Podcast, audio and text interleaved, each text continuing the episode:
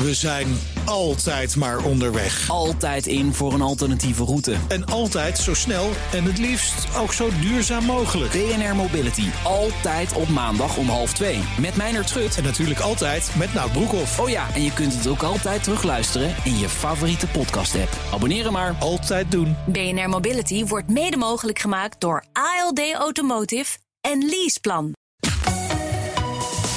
BNR Nieuwsradio. Boekenstein en de Wijk. Hugo Rijksma. Intelligent. They're highly intelligent. En gevoelig. Very sensitive. Maar ook levensgevaarlijk. Make no mistake. En soms ronduit agressief. This is a wild animal that can run you down. De olifant kan heel plotseling aanvallen. en de meest vreselijke dingen doen met een mens. Only one thing. Bij een aanval kun je één ding doen. Him down. De olifant recht in de ogen kijken. They sometimes feel Dat brengt hem van zijn stuk. unsettled.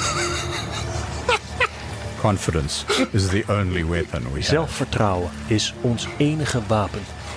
Dit is Boekenstein en de Wijk. Over het Europa van Rutte 4. Op zoek naar de nieuwe wereldorde. Met in de studio Arjan Boekenstein en een reusachtige olifant. Die zit naast mij. Wijselijk op afstand bij ons vandaag is Rob de Wijk en Rem Korteweg van Instituut Klingendaal. Hij analyseerde de buitenlandparagrafen van de verkiezingsprogramma's en vond opvallende dingen. Welkom Rem. Dankjewel. Hey, ehm, ja, met een schuin oog op de peilingen zou ik zeggen, eh, moeten we vooral naar de paragrafen bij VVD en CDA kijken. Wat heb je daar aangetroffen? Ja, het is wel goed om daar te beginnen. Ehm, wat ik opvallend vond, is dat de VVD, als het gaat over Europese industriepolitiek, heel erg Frans aan het worden is. Ze, ik vroeg me een beetje af of ik hier wel het partijprogramma van een liberale marktpartij aan het lezen was. Het, het ging allemaal over uh, het willen beschermen van de vrije markt en uh, staatsaandelen uh, nemen in strategische sectoren en investeringen uit het buitenland desnoods tegenhouden. Allemaal zinvolle standpunten hoor, daar, daar heb ik het niet over, maar ik vond het wel opvallend dat uh, flink veel tekst van het VVD-partijprogramma opgaat aan uh, het kopje beschermen van de vrije markt. Ja. En dat, uh, ja, dat zie ik eerder terug bij Emmanuel Macron dan bij. Ja, ja, ja. Niet helemaal onbekende onderwerpen voor mensen die het programma vaker luisteren. Maar Arjan, misschien toch uh, zorgelijke dirigistische trekjes bij jouw partij. nou ja, wat je überhaupt ziet, de VVD gaat trouwens ook voor het CDA. Als je met een CDA-Europarlementariër praat, dan beginnen ze ook vaak over dit thema. Hè. En er zitten natuurlijk goede kanten aan. Je moet met China natuurlijk wel doen. Maar de verwevenheid van het bedrijfsleven en deze twee partijen is natuurlijk groot. Ook, zeker ook in het Rijnlandse model in Duitsland. En Rem zegt terecht, ja, luister eens, als we de, als we dit alleen maar zouden doen, ja, dan betekent dat je ook de levensstandaard in Europa verlaagt. Hè? En dan is de concurrentie weg. En er zitten nogal wat knappe koppen in China. Dus je zou moeten kiezen voor een hele intelligente vorm van uh, protectionisme. Maar ja, met protectionisme is het altijd zo van als het er eenmaal is, dan krijg je het bijna niet meer weg. Ja. Dus het is een heel terecht punt hoor, wat Rem hier maakt. Rob, ben jij voorstander van dat intelligente protectionisme dat ik hier uh, voorbij hoor komen? Ja, maar uh, ja, want dat heb ik, daar heb ik zelf ook wel eens wat over geschreven. Je ontkomt er niet aan om toch enigszins uh, jezelf te beschermen tegen het opkomende China. En ik moet zeggen. Uh, dat ik wil toch even wat breder trekken in het be uh, begin. Uh, als ik, ik heb ook al die verkiezingsprogramma's gelezen. Ik heb ze ook nog eens een keer gelegd naast die van, van vier jaar geleden. En ik moet constateren dat er echt een verandering plaats heeft gevonden in die verkiezingsprogramma's. Uh, vrijwel alle partijen, natuurlijk uitgezonderd PVV en Forum voor Democratie, die erkennen dat de wereld aan het veranderen is. Nou, dat was vier jaar geleden echt niet het geval. Ze zien dat, uh, dat China opkomt, dat geopolitiek de wereld aan het veranderen is. En trekken daar ook hun conclusies uit. Nou, die kunnen, de, een van de conclusies is inderdaad uh, dat verlichte protectionisme van, uh, van de VVD. Maar dat zie je bij meer uh, partijen terecht. En terug. En dat vind ik toch wel erg belangrijk hoor. Dat die partijen die zwaai aan het maken zijn. Het heeft grote consequenties. Ook in de richting van Europese Autonomie. Wat gaan we hier, eh, hier zelf eh, doen? Voor de relaties met de Verenigde Staten, die niet teruggaan eh, naar normaal. Ik bedoel, ik vind wel even dat we die analyse eerst moeten maken voordat we de details ingaan. Dus pro-Europeeser, dat is wat jij ziet in vergelijking Het met is vier jaar absoluut geleden? pro-Europees. En ik was wel degelijk verrast ook door de VVD, die gewoon onwonden zegt dat een sterke Europese Unie cruciaal is voor de Nederlandse veiligheid en welvaart. Nou, ik heb het op deze manier onze grote vriend Rutte nooit zo horen zeggen. De afgelopen tijd probeert hij dat nog wel eens een keer, maar dat had hij ook wel even wat beter kunnen uitdragen. Want dan waren we misschien ook verlost geweest van de enorme eurosceptische eh, stroming in het parlement. Ja, die je gek genoeg helemaal niet zo tegenkomt, vind ik, maar misschien rem zie ik het verkeerd, in die verkiezingsprogramma's. Nee, je, je, je hebt helemaal gelijk. Het staat in de verschillende verkiezingsprogramma's, in ieder geval van die, van die partijen waar wij naar hebben gekeken, ehm, eh, ja, onomwonden. Eh, ik ben het er Ja. helemaal mee eens dat er een draai naar. Dus Europa ophouden met ouwe hoeren over Europa, zou ik zeggen. Rem, hè? Maar het, Weet- het- weet- het ja, CDA ik bedoel, hou nou eens. Ja, laten we daar nou eens een keer mee, mee stoppen met dat gezeur en dat eurosceptische gezeur in, eh, in, in dat parlement. Ik bedoel, er is een geopolitieke reden om dit te doen. Dat erkennen de partijen ook. En nou moeten ze, vind ik ook, nou ja, maar op zijn CDA's zeggen, doorpakken. Maar wat ik nog wel mis, eh, Rob, en dat vind ik toch een beetje merkwaardig. Er is vorig jaar natuurlijk heel wat gebeurd. Hè, met het coronafonds en met de Hanzenliegen die in elkaar storten. Je zou dus denken dat men partijen ook wat verder denken. Waar gaat eh, de EU naartoe? Waar zit het krachtenveld? En hoe kunnen we daar intelligent op inspelen? En wat ik dan gewoon zie, en dat vind ik echt heel teleurstellend. De VVD heeft gewoon hetzelfde standpunt. Hè? Tot hier en niet verder. En geen eurobonds, dat is ongeveer het verhaal. En geen enkele gedachte nog daar verder bij. Ook bij het CDA is je merkt heel sterk de euroceptische invloed van eh, Pieter Omzicht. Terwijl we allemaal zien aankomen, daar komen natuurlijk stappen dit jaar of komend jaar door, door Frankrijk en Italië. Misschien wel gesteund door een nieuw Duits kabinet waar de Groenen een grotere rol in gaan spelen. En daar moet je natuurlijk toch over gaan nadenken. Ja, daar ben ik helemaal met je eens, eh Arend Jan. Ik heb dat ook met verbazing gezien. eh, een paar dingen, eh, inderdaad. Eh, Die eurobonds die worden verworpen door de VVD. Maar die zijn er feitelijk Ja, al. die zijn wat, er er al. gebeurt vorig jaar, die, wat er vorig jaar is gebeurd in, Brussel met de eurotop. Daarin zijn gewoon gemeenschappelijke leningen aangegaan. Dat zijn feitelijk gewoon eurobonds. Maar, ja, maar je ziet dus dat meerdere partijen. eh, die, eh, die roepen dit soort eh, dingen. Maar die zijn, die zijn al lang, die zijn al lang gere- geregeld. Bijvoorbeeld D66, die pleit voor Europese belastingen. Maar die zijn vorig jaar ook al geregeld. Dat, nemen, dat heet eigen middelen tegenwoordig. De vraag is alleen, in welke mate wil je dat? Rem, wat vind jij ervan, van die discussie? Nou ja, wat het mij aantoont is dat het wel degelijk kan gaan knetteren binnen een mogelijke volgende coalitie. Dus eh, Rutte en zijn verkiezingsprogramma die zegt heel nadrukkelijk: we moeten ehm, erkennen dat die, eh, die, die eurobonds of dat corona-herstelfonds dat dat eenmalig is. Ja. Nou, ik kan je nu al vertellen. Dat is niet hoe de rest van de Europese Unie het ziet. Zo is het. Ehm, Zo is het. Dat is ook niet hoe volgens mij D66 het, eh, het ziet. En wat je dus kan vaststellen als je die verkiezingsparagrafen over Europa naast elkaar legt, dat de mogelijke coalities die gevormd kunnen worden, bijvoorbeeld VVD plus CDA plus D66, wat ik een hele waarschijnlijke acht, dat ze daar op Europa echt nog wel met elkaar eh, over straat gaan rollen. Ja. Maar, maar, Rem, maar Rem, ja. Maar ten, eerste is eh, Rutte, als hij weer premier wordt, natuurlijk gewoon een fixer. Eh, die, gaat, die waait met alle winden mee om ervoor te zorgen dat hij zijn coalitie bij elkaar eh, houdt. Ik bedoel, da- daar is hij fenomenaal in, laten we dat nou even erkennen. Dus dat is voor hem denk ik een veel minder principieel debat dan, dan voor een aantal anderen. En bovendien weet je, dit soort veranderingen worden gewoon door de omgeving, door Europa, door de internationale politiek, door de geopolitiek afgedwongen. Ik bedoel, Rutte, de VVD, die kunnen dit soort dingen wel roepen, maar dat overkomt ze gewoon. Maar dat betekent dus dat je een nederlagenstrategie doet. Hè? We weten nu allemaal Ja, al dat Rutte.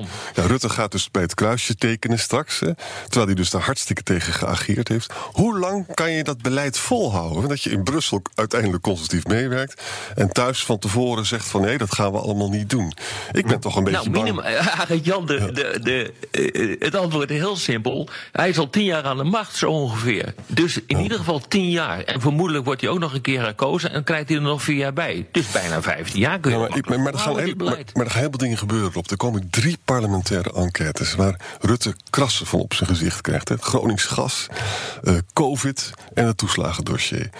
De CDA is natuurlijk ontzettend kwaad omdat het met Hoekstra mislukt. Dus die zal het kabinet misschien wel proberen op te blazen... in de hoop dat ze dan nog, alsnog groter kunnen worden. Nou, in dat, het wordt allemaal veel instabieler. En dan vind ik het toch, als je bij zo'n belangrijke Europese strategie... die ontzettend belangrijk is voor Nederland... als je dan een beleid voert dat je iets anders zegt dan wat je doet... dat is gewoon brandstof voor populisten. Ik kan het niet anders zien. Maar er is, nog er is nog een andere factor, uh, Arend Jan. En dat is wat er ook in Europa gebeurt. Dus ja, het klopt absoluut dat tien jaar Rutte. Uh, tien jaar, in die tien jaar heeft Rutte aangetoond dat hij flexibel is, dat hij pragmatisch is, dat hij met, in zekere zin met de wind meewaait die er in Europa is. Maar die wind die kan wel een stuk steviger worden. Ja. Angela Merkel verdwijnt van het toneel. Dus ja. we hebben on onzekerheid over het Duits leiderschap de komende, de komende periode. Emmanuel Macron moet uh, opnieuw verkozen worden. Die zal bezig zijn met zijn binnenlandse herverkiezingsprogramma. Mark Rutte die is straks de langst zittende regeringsleider naast uh, Viktor Orban als Angela Merkel straks weg is. Dus er wordt ook wel naar Nederland gekeken. Als die nederlaagstrategie, zoals jij het noemt, Arendjan, inderdaad onderdeel wordt van de Nederlandse inzet in Europa. Op het moment dat er instabiel politiek leiderschap is binnen de Europese Unie, ja, uh, dan, uh, dan hou ik mijn hart wel een beetje vast. Nou, ik niet hoor. ik, eerlijk gezegd niet. Kijk, wat jullie allebei nu doen is gewoon het beschrijven van een normaal politiek proces. Alsof iets gewoon smooth gaat in de politiek. Dat is natuurlijk niet zo. Ik bedoel, elke, elke week is er wel een bananenschil in Europa, in andere landen, in Nederland. Uh, dus uh, dat overleef je wel. Er wordt iedere keer geroepen van, oh jee, maar nu gaat Merkel, weg. Maar ja, dat, uh, er was ook geen vertrouwen toen Merkel aan, aan de macht kwam in, in Duitsland, in, in, in haar als bondskanselier. Nou, dat is allemaal wel wat anders uh, verlopen. Dus ik, ik sta daar veel relaxter in hoor. Maar wacht, maar wacht eens even Rob.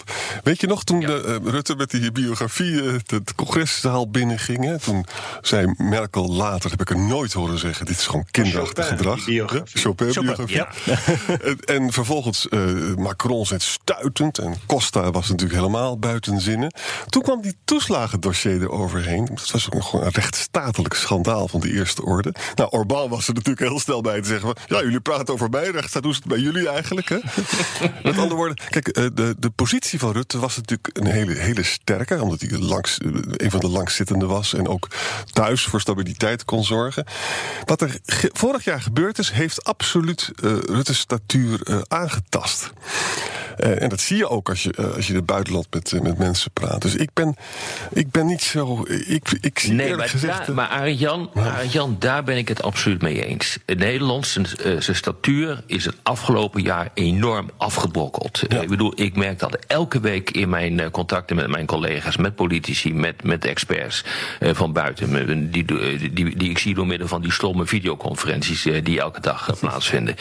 Maar dat is absoluut waar. En daar zal uh, het nieuwe kabinet absoluut aan moeten gaan werken. En de opmaat naar die top, waar feitelijk de VVD alles verloren heeft wat ze beloofd heeft te doen, inclusief uh, de weerstand die er was tegen eurobonds, Europese belastingen, uh, gratis geld naar de zuidelijke lidstaten, is allemaal gebeurd.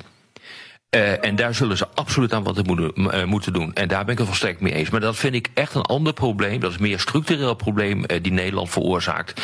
dan de bananenschillen die jullie hebben beschreven. En die zullen er altijd zijn. BNR Nieuwsradio. Boekenstein en de Wijk. Op zoek naar de nieuwe wereldorde. Dit is Boekenstein en de Wijk. En dat programma is natuurlijk niet zonder Arend Boekenstein en Rob de Wijk. Mijn naam is Hugo Reitsma en wij schrijven de Europese paragraaf van het volgende regeerakkoord met Rem Korteweg, Europa-deskundige bij Klingendaal. En Rem, uh, we hebben VVD en D66 al even genoemd. We hebben doorpakken van Hoek uh, genoemd, maar eigenlijk nog niet het, CDA-programma. Zijn zij net zo in de, in de Europese richting opgeschoven als je beschrijft bij die andere partijen?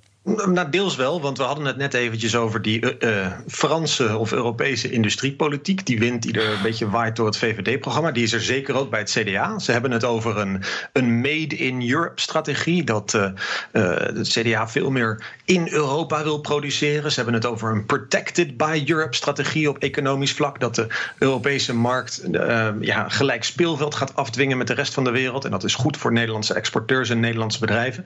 En tegelijkertijd zie je ook hele duidelijke eurokritische tonen in het uh, verkiezingsprogramma. Bijvoorbeeld dat het CDA de discussie wil openen over het, de vrijheid van persoonsverkeer binnen de Europese Unie. Nou, dat is codetaal om te praten over limieten van arbeidsmigratie binnen de Europese Unie. Ja, dat is zelfs voor de VVD een, een, een, een stapje te ver. Of althans, het wordt niet in het verkiezingsprogramma genoemd. En dat staat natuurlijk wel haaks op de manier hoe D66 naar Europa kijkt. Um, dat viel me op. Verder ja, in dezelfde lijn als uh, hoe we het net hadden over het VVD-standpunt over de euro en transferunie, zegt het CDA van we moeten daar zeker ver vandaan blijven. En dat is een wat meer traditioneel CDA-punt. Dus het is een beetje, een beetje van beide. Ja, wat ik daar zo interessant aan vind is, er zit natuurlijk gewoon, ik ruik gewoon licht tussen de CDA-europarlementariërs en, en omzicht en de anderen. Ja, ja. Dat, dat moet gewoon zo zijn. En het is trouwens veel mm. vaker het geval uh, tussen Europarlementariërs. En wat denk jij daarvan, Rem? Op dit punt? Ja, dat is heel vaak het geval. Kijk, ja. um, ik, sterker nog, ik, niet alleen tussen Europarlementariërs, maar we hadden gisteravond hadden we, met Klingendaal hadden we een debat met, uh, met de buitenlandwoordvoerder van het CDA. Die is volgens mij ook niet helemaal happy met een aantal van de buitenlandparagrafen in het CDA-programma. Dus er, er, zit, er, er, zitten veel verschillende meningen uh, binnen het CDA. Laat ik het, laat ik het zo uitdrukken. Zo is het. Maar ja, jongens, wat is nou de waarde van zo'n programma? Uh, ik bedoel, je kunt er bijna niks van uitvoeren. uiteindelijk moet je tot compromissen komen. Dus het wordt gewoon nog grootste gemene delen van al die programma's. En wat er toevallig maar uit, uh, uit de coalitieonderhandelingen uh, komt. Ik bedoel, daar moet je naar maar kijken. Je moet, je moet kijken wat er straks gebeurt in die formatie. Wel één ding wat ik wel hoop wat geregeld gaat worden in een nieuw kabinet. En dat is ook terugvallend uh, op waar je het net over had. Die positie van Nederland in Europa, die er niet echt goed op staat. Is dat er een, um, ja, een Europese of een minister voor Europese zaken komt. Of een staatssecretaris voor Europese zaken. Mm. Uh, er zijn twee partijen die daarvoor pleiten: GroenLinks en D66. Ik denk dat dat heel verstandig zou zijn om dat bredere, uh, ja, dat bredere beeld over Europa beter in Den Haag te laten landen. Dat we niet alleen maar ja. puur door de financieel-economische lens vanuit Den Haag over Europa praten. En tegelijkertijd dat we ook recht doen aan de, aan de, aan de breedte van, van EU-beleid en hoe dat doorwerkt op, op de Nederlandse ja. positie. Ik vraag me alleen wel af wie de Nederlandse, wie de Nederlandse Clément Boon moet zijn. Dat is de Franse ja, minister van Europese Zaken. Dat vraag ik me ook af. Ja. Maar, maar, Rem, ik, ik, ben het helemaal met je eens. Maar het grote probleem is, het is ook, ook interessant om daar institutioneel over te praten. Financiën zal er natuurlijk tegen zijn. Hè? Maar met name Rutte. Rutte heeft natuurlijk heel veel van Europa naar zich toegetrokken. En die zal ongetwijfeld tijdens die formatie proberen dat onder de tafel uh, te krijgen. Misschien wel met steun van het CDA. Ik weet niet. Het zou best wel eens een keer veel meer pro-Europees kunnen worden. En dat, dat, dat leid ik ook af. En dat is echt heel bijzonder, jongens. Over hoe er over de Verenigde Staten wordt gesproken in hmm. veel van die stukken. He, hmm. Het is dus, kijk, toen, uh, toen jaren geleden Obama uh, in het Witte Huis kwam, uh, toen werd ongeveer gedacht dat de Messias op aarde was nedergedaald. Uh, kreeg ook meteen een Nobelprijs. En dat is nu niet het geval met Biden. Dat is heel erg opmerkelijk. Uh, dus er is echt iets gebeurd de afgelopen jaren in die transatlantische relatie. Uh, en je moet ook constateren dat een aantal partijen, inclusief bijvoorbeeld D66, GroenLinks, Denk, PvdA, die zeggen nou, het wordt niet meer zoals het zoals het wordt. En dat is echt wel heel erg belangrijk. En dat betekent dus ook dat ze automatisch per definitie, of je wil of niet, meer moeten inzetten op Europa. Dus die lijn die ik in het begin van, uh, van ons praatje heb uh, geconstateerd, die zie je wel redelijk consistent terugkomen in een aantal uh, verkiezingsprogramma's. Rem, zie je dat in de programma's dus ook naast een meer Europese, minder Atlantische gerichtheid? Ja, absoluut. Um, van D66 wisten we dat ze een pro-Europese koers varen. Van GroenLinks ook. De, de opvallendste vind ik het CDA in deze. Het CDA ja. is toch een traditioneel pro-Atlantische partij. Het is de partij van, uh, van NAVO-secretaris-generaal Jaap de Hoop Scheffer. Mm -hmm. uh, maar we hebben eens even geturfd. Um, Amerika komt één keer voor in het, uh, in, het, in het partijprogramma. De NAVO wordt een beetje uh, als een nagedachte. Er staat een obligaat zinnetje in dat de NAVO nog steeds wel belangrijk is voor de Europese veiligheid. Hm.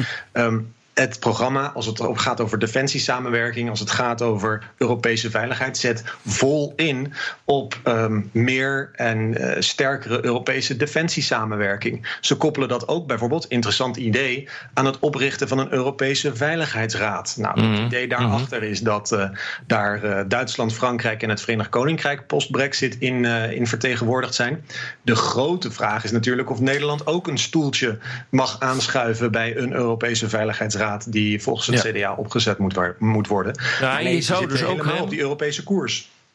Je zou dus ook denken dat als je dus minder afhankelijk wordt eh, van Amerika, dat er dus ook meer wordt geïnvesteerd in defensie. En gedeeltelijk is dat zo, hè. Maar als je dan vervolgens naar die doorrekeningen kijkt, nou, dan blijft er wel heel weinig van over. Eh, De VVD die is koploper. In de doorrekening komt er dan 2,6 miljard eh, bij. Het CDA doet wat, 1,1 miljard. Nou, Groen, eh, D- D66, daar hoef je niet eens mee te tellen. Eh, GroenLinks gaat naar achteren, SP gaat naar achteren, PvdA ook niks. Eh, eh, de enige die dan nog eh, een klein beetje wat doet is SGP, maar die zie ik niet zo snel meeregeren. Eh, dus eh, eh, wat dat betreft wordt Defensie, of blijft Defensie wel de loser van, eh, van de verkiezing, hoor, denk ik. Of, of, of zie ik dat verkeerd?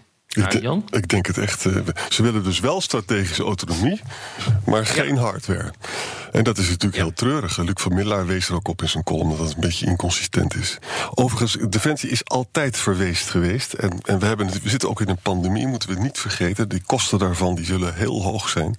En in die nieuwe ellende die we dan gaan krijgen, dan kan ik me zeer goed voorstellen dat Defensie weer het kind van de rekening eh, zal zijn. Maar we zien hier, en, en Rob, eh, jij en ik kennen dit argument maar al te goed. Maar te, te, nog steeds zie je die tendens in die partijprogramma's dat Europese defensiesamenwerking synoniem staat voor het kunnen doorvoeren van bezuinigingen. Er wordt echt die denkfout gemaakt dat als je maar meer samenwerkt binnen Europa, dat het betekent dat je, dat je goedkoper uit bent met je defensie. Maar dat is natuurlijk niet zo, want de investeringen die gaan voor de baat uit. En ehm, ja, dat, dat, dat, dat vind ik wel zorgelijk. Dat een aantal partijen die inderdaad inzetten in de tekst op Europese defensiesamenwerking, daar absoluut niet de middelen voor, voor vrijmaken. En daarmee vind wordt er ik wel ook, een hoor. beetje aan luchtfietserij gedaan.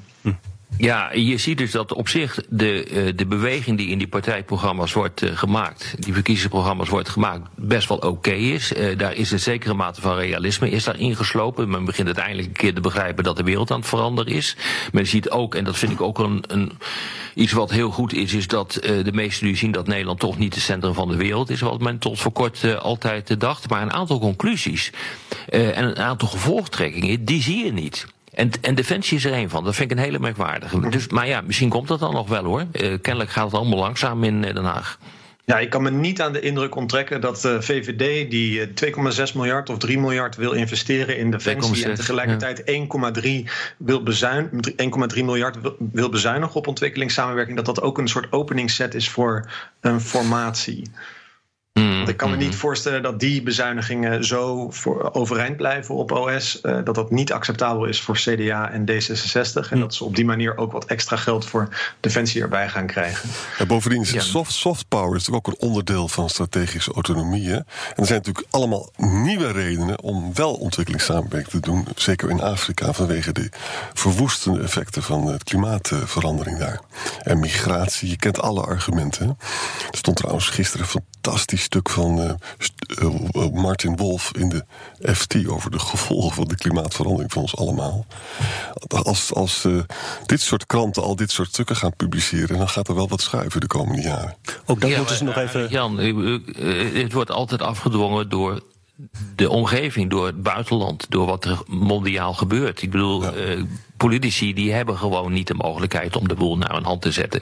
Dat roepen ze altijd wel. En sommige mensen trappen daar ook in. Maar het is natuurlijk gewoon eigenlijk gewoon totaal onzin. Dat kunnen ze gewoon helemaal niet. Ze zijn gewoon de speelbal van het buitenland. Of het wil of niet. Zeker in Nederland. En het klimaat in dit geval. Goed, dus een, een meer Europees, minder Atlantisch gericht Nederland hoor ik onder het kabinet Rutte 4 dat uiteindelijk gaat vallen over meer geld naar het zuiden. Iets, iets in die zin. Dat is wel eh, een hele aardige samenvatting. Je hebt eh, goed geluisterd, eh, Hugo. Knap.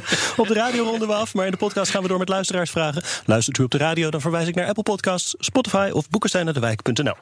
Maurice Sogelé vraagt: waarom lukt het opeenvolgende regeringen het niet om een gebalanceerd verhaal over Europa te vertellen aan de bevolking?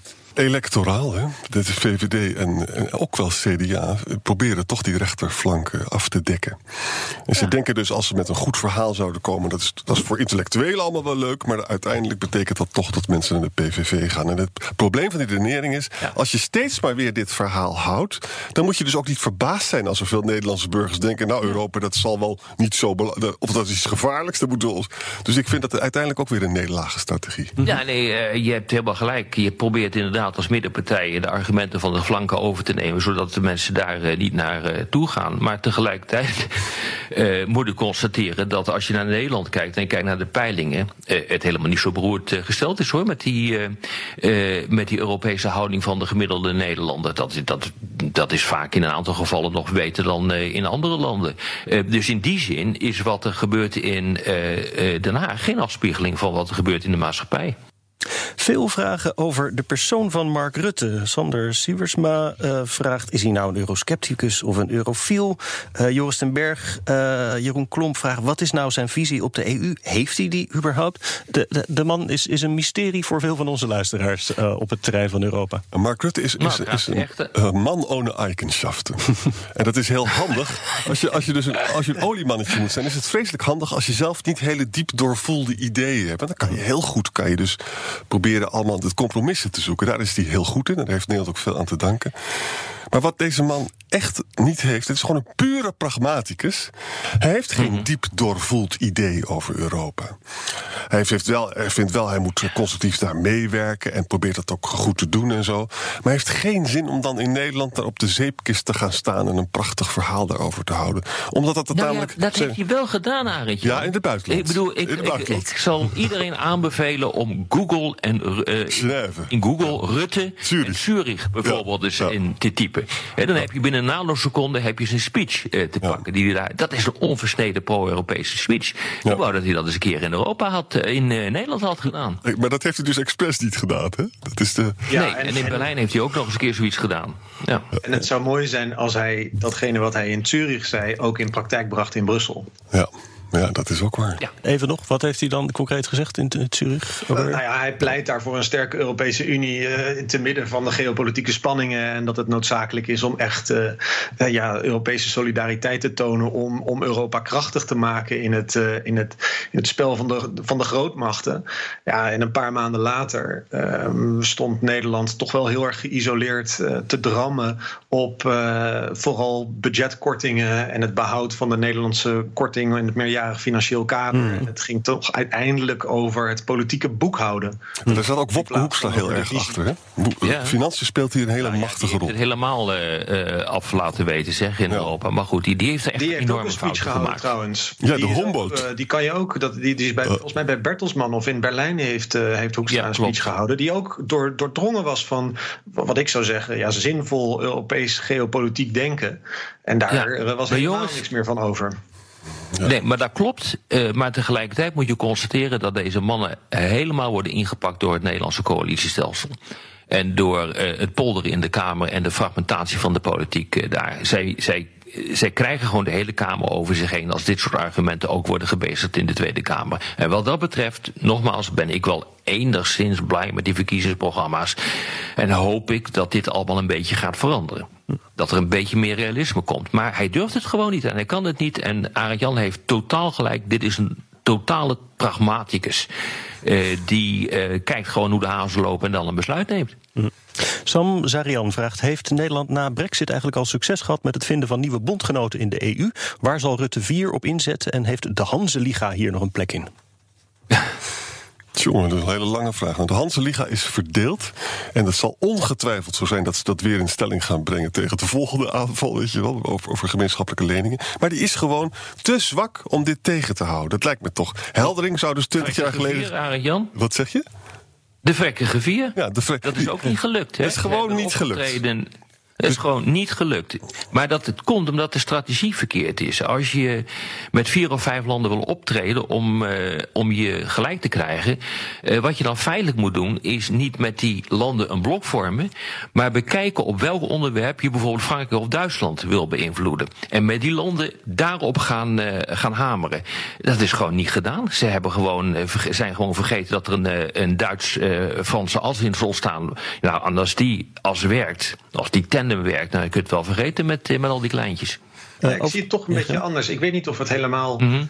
uh, mislukt is. Uh, het was volgens mij, zeker in het kader van die onderhandelingen over het meerjarig financieel kader, volstrekt duidelijk dat. Um, Rutte op een gegeven moment moest gaan tekenen bij het kruisje. En dat hij op een gegeven moment ja. een, com een, compromis moest gaan sluiten. Maar door zich op te stellen als de leider van de vrekkige vier, zorgde hij wel voor dat hij degene was waarmee uiteindelijk ook onderhandeld werd. En ja, hij moest wel degelijk uiteindelijk die, dat corona-herstelfonds slikken. Dat, dat was al lang duidelijk. Dat was niet, nooit in, in vragen. Um, maar hij heeft er wel voor gezorgd dat onder de 27, het spel ging natuurlijk tussen Frankrijk en Duitsland, en dat Nederland daar wel degelijk in mee kon praten. Um, en wat de Nederlandse strategie in, in Brussel is ook heel vaak um, vooral de wens om aan tafel te zitten en niet noodzakelijkerwijs om, uh, om, om uh, onze visie of ons beleid er doorheen te drukken. En dat is wel, dat is wel gelukt. Alleen het, het legt ja, het nu. Nou, ik weet het niet, Rem. Ik, ik heb het niet het gevoel, ik heb ze al, al die doelstellingen op een rij gezet. Ik heb niet het gevoel dat hij nou een overwinning binnen heeft gebracht. En wat hij wel heeft gedaan, is dat hij uh, terug is gekomen vanuit Brussel naar Nederland. Heeft gezegd, nou, ik heb een uh, korting bedongen op uh, onze afdracht in de richting van Europa. En daarmee heeft hij heel behendig de aandacht afgeleid van zijn megaverlies wat hij daar geleden heeft. En het hele wetenschapsbudget werd, werd, werd een kind van de rekening. Weet je wat ik zo jammer vind van, van het Nederlandse EU-beleid? Waarom? We zijn altijd reactief hè? en dan vervolgens verliezen we. Hè? Mm -hmm. Een soort, uh, anti, soort uh, in voetbaltermen zijn we een soort anti-Duitsers. en, uh, en waarom ga je niet proactief? Je ziet, je ziet aankomen wat er gaat komen, die gemeenschappelijke leningen. Nou, maak een plan en zorg ervoor dat je het zo inricht dat, het, dat de druk maximaal wordt, dat er ook echt dan hervormingen plaatsvinden. Denk daarover Omdat mee. Dat dat niet kan. Dat, dat, kan niet. Wij kunnen geen machtspolitiek bedrijven in dit, uh, in dit land. Ja, en we realiseren dat, we dit, uh, dat men ook nog even van de schok bij moet komen dat de, de Britten de Unie zijn verlaten. Dus daar hebben we ook niets meer aan. Ik ben ervan overtuigd dat wanneer de brexit niet had plaatsgevonden, maar jullie weten er denk ik meer van, van die brexit, dat dan de uitslag van de, die roemerig top van juli vorig jaar totaal anders is uh, geweest. Ja, met die leningen. Geweest. En veel meer in het voordeel uh, zou zijn geweest uh, van Nederland. Zeker. Over coalities nog wel een prikkelende vraag, vond ik van Bob Bouw. Uh, zegt binnen de EU en de eurozone uh, is het zuiden politiek krachtiger geworden. Zou de Nederlandse regering daarom niet maximaal moeten inzetten om Denemarken, Zwitserland, Noorwegen en Zweden de EU of de euro binnen te krijgen met een goed plan voor de toekomst? Nou, dat hangt meer bondgenoten van de Denen zelf af. Hè? Ja. Ik denk niet dat dat. en verder de Zwitsers. Een deel van de Zwitsers wil wel, maar ik denk niet dat dat nou allemaal heel zo snel gaat. Dus het is een beetje een moeilijke strategie, als ik het zo mag formuleren. Ja, maar de vraag kan je ook zo uh, interpreteren, niet zozeer gefocust op Zweden of op Denemarken of Zwitserland. Maar moet Nederland meer structureel inzetten op het bouwen van een wat meer permanente coalitie met die noordelijke lidstaten? En uh, de, neiging was er in de context van die Hanse-liga. Dat is een beetje het verhaal van 2018. We hadden ook een beetje die neiging met de vrekkige vier. Maar dat was een andere samenstelling. Daar zaten de Oostenrijkers opeens bij. En de Finnen die waren, waren afgevallen. De Ieren waren afgevallen. Dus dat was ook weer een beetje een andere samenstelling. En wat je eigenlijk ziet, en dat hoor ik ook in Den Haag... is dat Nederland die wil zijn handen vrij houden en zich niet helemaal toeleggen op één of de andere coalitie. En dat ze het toch een beetje ad hoc doen. Je ziet dat er nu ook heel erg juist geflirt wordt, bijvoorbeeld met de Fransen. Vooral als het gaat over die nieuwe handels, handelsstrategie. Ja. Nederland en Frankrijk hebben ook een belangrijk uh, document ingebracht in, uh, in, in Brussel als het gaat over toekomst van, uh, van de Europese handelsstrategie en dat koppelen aan duurzaamheidsdoelstellingen. Dus Nederland, die, ja, uh, dat heeft ook te maken met onze geopolitieke positie. We zijn de, de zuidelijkste van de noordelijke landen, of misschien wel de noordelijkste van de zuidelijke. Um, en, en we vinden het dus niet fijn om al onze eieren in één één mandje van één coalitie te doen. Daarom denk ik dat dat in Den Haag niet, uh, ja, niet er doorheen gaat komen. Nee, Rem, dat kan je dus alleen als je weet wat je wil. Als je wil, weet wat je wil als Nederland in de Europese Unie en eh, de Europese Unie in de wereld. Nou, dat, die visie hebben we gewoon niet.